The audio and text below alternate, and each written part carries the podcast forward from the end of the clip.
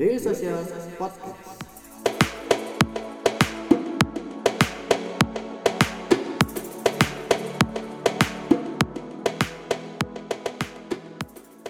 Oke, kaitannya sama tadi yang lu udah discuss gitu ya soal uh, gimana sebuah SaaS company itu mengukur uh, uh, mengukur growth-nya dengan growth metric tadi MRR.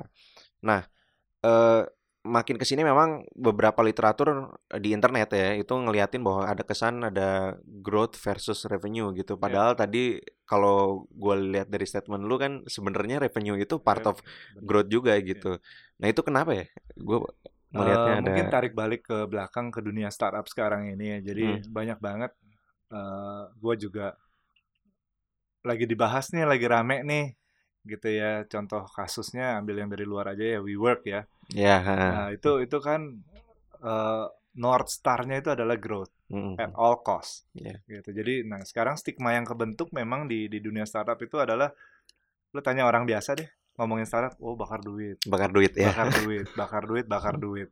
Jadi uh, gua rasa harusnya startup itu bekerja dengan metode perusahaan konvensional mengukur keberhasilannya dalam hmm. artian ya harus ada revenue hmm. gitu loh. Revenue itu ada growth-nya memang benar, growth-nya year on year, month on month dan lain hmm. sebagainya. Cuman kita itu tidak dengan serta-merta menghabiskan budget hanya untuk mendapatkan user yang belum tentu berkontribusi hmm. di revenue. Hmm. Itu mungkin ya yang yang dilihat dari sisi growth versus revenue. Karena digital itu me, apa ya mempersilahkan orang untuk kayak gampang mengakses sehingga itu yang jadi ukurannya kalau diaksesnya banyak gitu, yeah, yeah. akhirnya itu jadi ukuran growthnya kali ya bener, gitu ya. Bener. Fokusnya lu di revenue berarti kan sebenarnya di awal kalau kita ngomongin funnel marketing yeah. itu di awal itu kita kalau buat yang belum tahu funnel marketing itu ada AIDA sebenarnya ya, uh, awareness, interest, desire dan action dan di awal itu untuk fase awareness sebenarnya kan penting juga tadi akses orang untuk banyak masuk ke eh, kalau misalnya dalam M target mungkin di websitenya gitu segala macam ya. Nah itu ketika masuk ke dalam situ berarti kan untuk uh, biar yang convert itu jadi gede logika awalnya adalah awarenessnya juga harus gede ya. gitu. Ya Nah, gimana tadi dengan lu bilang bahwa uh, di funnel awal tuh nggak perlu gede-gede banget gitu. Hmm. Jadi di awarenessnya fokusnya uh, cukup di angka yang cukup aja. Hmm. Terus akhirnya lu convert yang penting adalah si uh, gimana jadi revenue gitu, hmm. gimana jadi customer. Yeah. Gimana memastikan itu? Memastikan okay. bahwa si funnelnya itu cukup aja tapi yang penting lead, high quality leads. Ya, jadi kalau ngomongin bicara awareness ya Aida tadi tuh yes. pas di bagian awarenessnya itu bukan masalah kita kecilkan, tapi hmm. lebih ke arah very niche. Very hmm. niche target marketnya. Jadi hmm. jelas banget uh, oke okay, untuk area awareness ini siapa yang lu mau cari. Hmm. Oke, okay, let's say kita ngomong very specific. Gua mau mentargetkan ke para digital marketers di financial industry. Hmm. Jadi bagian awareness ini langsung ngomongin mereka ini nongkrongnya di mana. Hmm. Satu LinkedIn, dua Facebook, gitu. Tiga mungkin YouTube. Gitu. Jadi jadi kita udah tahu channel yang mau dipakai, mereka nongkrongnya di mana. Hmm. Bukan berarti untuk seluruh Indonesia beda sama kayak marketplace, marketplace hmm. atau e-commerce ya. Yes. Di mana-mana ada. Itu ngomongin hmm. awareness tuh yang hmm. yang masif. Hmm. Nah kita ter ter ini banget uh, tajam banget. Targeted ya. Uh, uh, jadi nanti misalnya awareness berikutnya goalnya adalah siapa? Oke, okay, gue mau masuk Bali. Bali siapa sih? Oh, para marketing manager hotel dan travel di Bali. Hmm. Mereka nongkrongnya di mana sih? Offline dan online-nya. Hmm. hmm. Gitu. Jadi jadi uh, yes, kita targetin yeah. seperti itu, masuk hmm. ke area interest. Begitu area interest artinya apa? Mereka udah mulai berkunjung ke blog kita. Hmm. Mereka udah mulai berkunjung ke blog kita, mereka mulai uh, tertarik sama ebook yang kita kasih lead magnetnya ya hmm. uh, masuk ke area desire begitu mereka subscribe hmm. habis itu dengan tools kita ya email marketing hmm. kita convert mereka jadi action hmm. jadi jadi lebih ke sono tergantung goalnya mau apa uh, dan dalam perjalanannya ya kita tes kita misalnya melakukan placement ads apa segala macam oh hmm. ini hasilnya bagus ya udah di double yeah gitu. Oh, kan. jadi kalau lu mikirin yang tadi uh, apa di awareness nongkrongnya di mana karena lu emang mau approach ke sana yes, juga ya. Bener. Mau langsung ketemuan misalnya atau gimana Ya itu juga itu juga bisa offline ya. Jadi jadi misalnya nongkrongnya di seringnya di coworking space gitu ya. Mm -hmm. Ya kita ke sana ini contohnya Uber ya, eh Uber sorry, Airbnb. Hmm. Waktu awal-awal mereka muncul tuh awarenessnya mereka bermain di kolamnya kompetitor. Mereka jualannya di Craigslist, hmm. yang kompetitor mereka direct yeah. gitu loh. Ya, hal-hal yang sama juga dilakukan yang lain gitu. Jadi yeah. kita juga banyak nyemplung di digital marketing group apa segala macam gerilya lah. Yeah. Sisanya kita lakukan placement dengan uh, buyer persona yang tepat. Hmm. Penting. It, itu juga yang jadi salah satu pertimbangan lu kah ketika buka cabang baru kan lu udah sekarang ada di yeah, Malaysia. Malaysia Singapura. Uh, dan Singapura ya. Dan Singapura, Malaysia, Singapura dan di Indonesia. Indonesia di Jakarta hmm. gitu. Uh, ketika lu buka cabang baru ini juga mungkin buat startup yang lain gitu ya, buat SaaS utamanya mungkin ketika mau buka cabang atau kayak menentukan uh, mau ngambil ceruk baru di market yeah. gitu itu uh, penentuannya apa tuh ketika uh, lo ngelakuin itu? Udah pasti harus melakukan market intelligence iya. research. Yeah. Jadi hmm. jadi uh, kita cari tahu. Jadi kalau dari data kita yang kita udah tahu research itu email marketing awareness ya di Southeast Asia karena hmm. memang target gua tuh Southeast Asia. Nomor satu itu Singapura, nomor dua Malaysia, nomor tiga Filipina, nomor empat itu Vietnam. Hmm. Kita tuh nomor lima. Hmm. Di bawah kita baru Thailand gitu loh. Nah, uh, jadi yang pasarnya gede gak? kalau dilihat ukurannya size-nya nggak terlalu besar, tapi hmm. mereka mature, marketnya matang banget. Kita pernah pameran di Singapura sekali nggak perlu demoin, jadi kita suruh minggir, mereka yang coba-coba langsung utak-atik. Hmm. Nah, itu itu salah satu advantage sih. Jadi hmm. jadi artinya lebih mudah convertingnya dengan unique selling point kita. Jadi kalau untuk teman-teman startup yang mau coba ngambil ceruk baru, eh, hmm. uh, balik ke data internal Hmm. gitu jangan ikut-ikutan dengar apa segala macam kalau kita lihat berdasarkan data kita sekarang nih sampai sekarang panjang uh, banyak juga UMKM yang menggunakan service kita gitu loh Oke. Okay. Banyak juga enterprise corporate yang menggunakan service kita. Hmm. Gitu. Terus berapa sumbangsih mereka ke revenue? Hmm. Paretonya berapa? 80% revenue kita dari mana? Nah, itu harus tahu. Dari situ kita tahu mau nambah tim sales kah? hmm. mau nambah iklan kah ke hmm. area mana itu itu penting. Tapi uh, eh, gue penasaran jadi dari perspektif brandnya, lu pernah dapet insight nggak kayak dari klien-kliennya M Target gitu ya? Hmm. Itu con conversionnya atau bukan conversion, yang jadi customer uh, tapi originatednya itu dari email marketing itu berapa persen ya? Kalau ada dari uh, gua nggak bisa sebut brandnya, yes, tapi dari apa. sebuah financial industry mereka tepatnya insurance ya. Hmm. Uh, jadi sebelum ini mereka itu conversion conversion rate-nya itu satu digit gitu. Jadi setelah mereka masuk ke area digital ini karena memang email itu spesifik itu memang buat conversion rate. Hmm. Uh, lebih untuk mendongkrak conversion.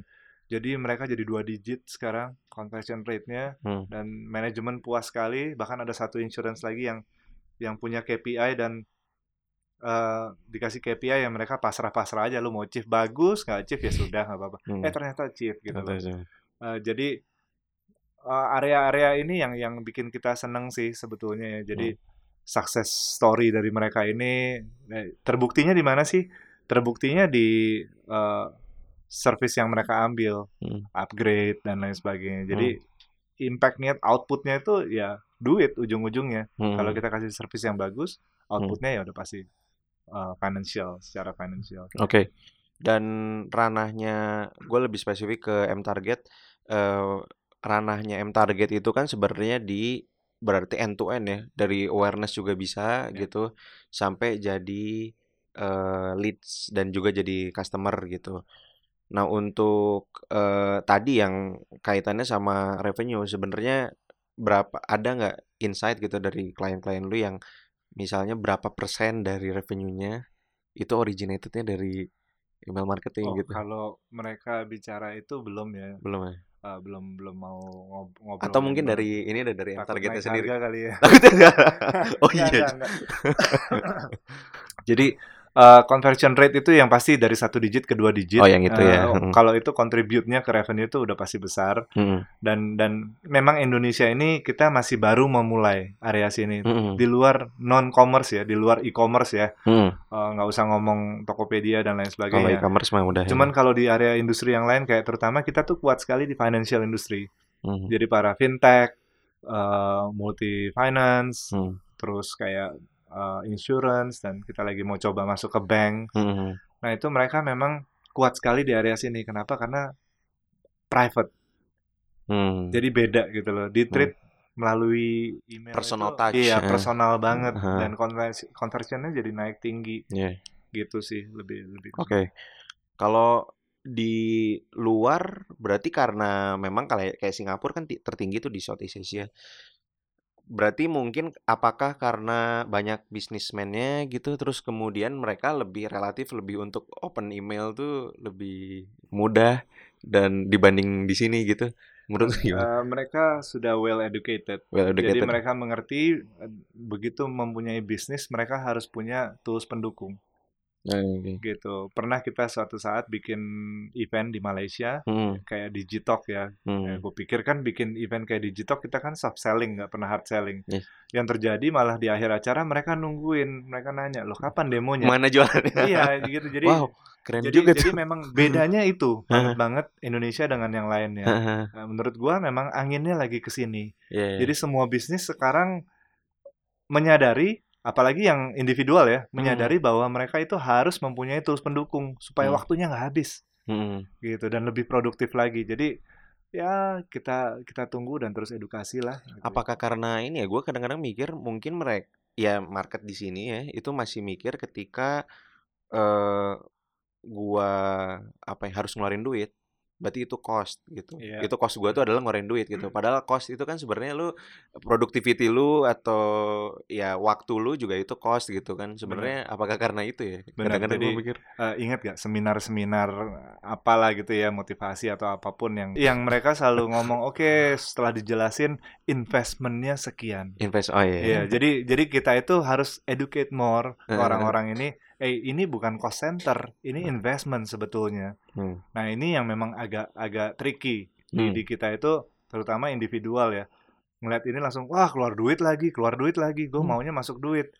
Hari hmm. gini udah hampir nggak bisa hmm. masuk duit tanpa keluar duit. Yes. Gitu. Jadi hmm. jadi uh, nah itu investment. Nah ini terminologi ini yang harus dirubah. Hmm. Uh, jadi mereka oh ya gue harus invest di tools ini ini ini hmm. gitu loh. Kadang-kadang soalnya mungkin bisa jadi ya ada yang tidak berpikir kalau misalnya selain M target case-nya misalnya nggak make produk untuk accounting gitu toh juga gue bisnis gue jadi sama-sama aja gitu. Padahal mungkin dia harusnya bisa bikin produk baru mungkin ya yes, ada yes, productivity yes, yang lebih tinggi gitu dari situ. Kalau di SaaS itu menggunakan SaaS itu long run jadi SaaS produk ya, hmm. SaaS startup, SaaS produk itu bukannya rainmaker menurut gua. Hmm. Jadi begitu menggunakan satu software ini nggak serta merta bisnisnya menjadi lebih besar atau hmm. atau semuanya jadi lebih indah, revenue lebih banyak. Yeah, no, yeah. cuman di long runnya, hmm. misalnya contoh tadi ya uh, buat ngitung accounting segala hmm. macam, kalau ngelakuin sendiri bisa. Yeah. Cuman waktu lu selama 2 tahun, tiga tahun ke depan setiap hmm. bulan akan ngurusin beginian. Hmm dan itu bisa digantikan sebetulnya hmm. dengan tools. Yeah. Sama juga melakukan email marketing. Bisa kirim satu-satu. Hmm. Cuman lu akan habis waktunya yeah. di iya. situ. Di long run-nya hmm. lu akan burn out gitu loh. Nah, mungkin ada pendengar yang juga pengen menggunakan SaaS gitu atau spesifiknya M target gitu ya.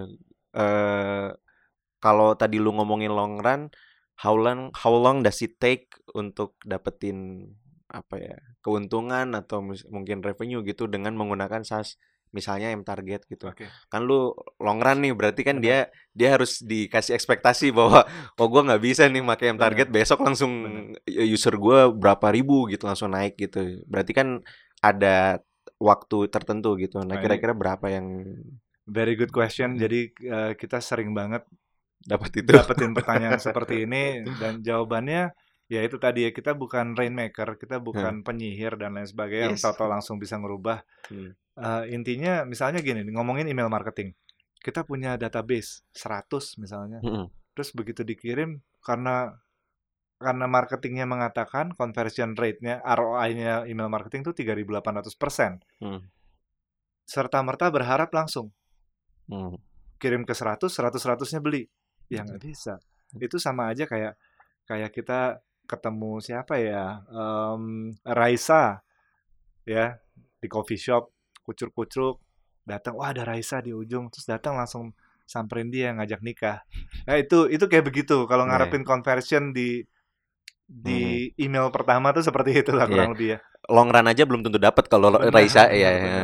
Jadi ya kita harus kayak nurture, yeah. nurture, kirimin hmm. mereka. Tentunya dengan tidak mengganggu. Kayak tetangga kita setiap hari kita, hey selamat pagi, yeah. tapi kita nggak ngomong apa-apa terus. Yeah. Suatu saat samperin ajak ngobrol mereka kan dengan baik, dengan ramah, yeah. gitu loh. Analoginya seperti itu. Oke, okay. jadi intinya nggak ada even lu make produk digital pun nggak ada yang instant gitu. Bener, karena bener. emang semuanya about nurturing dan juga kalau misalnya selain yang kaitannya sama digital marketing kalau untuk accounting dan segala macamnya itu mungkin juga buat productivity lu gitu ya tadi ya. Intinya productivity lu yang bisa nanti uh, sisanya waktunya lu lakukan untuk hal yang lain gitu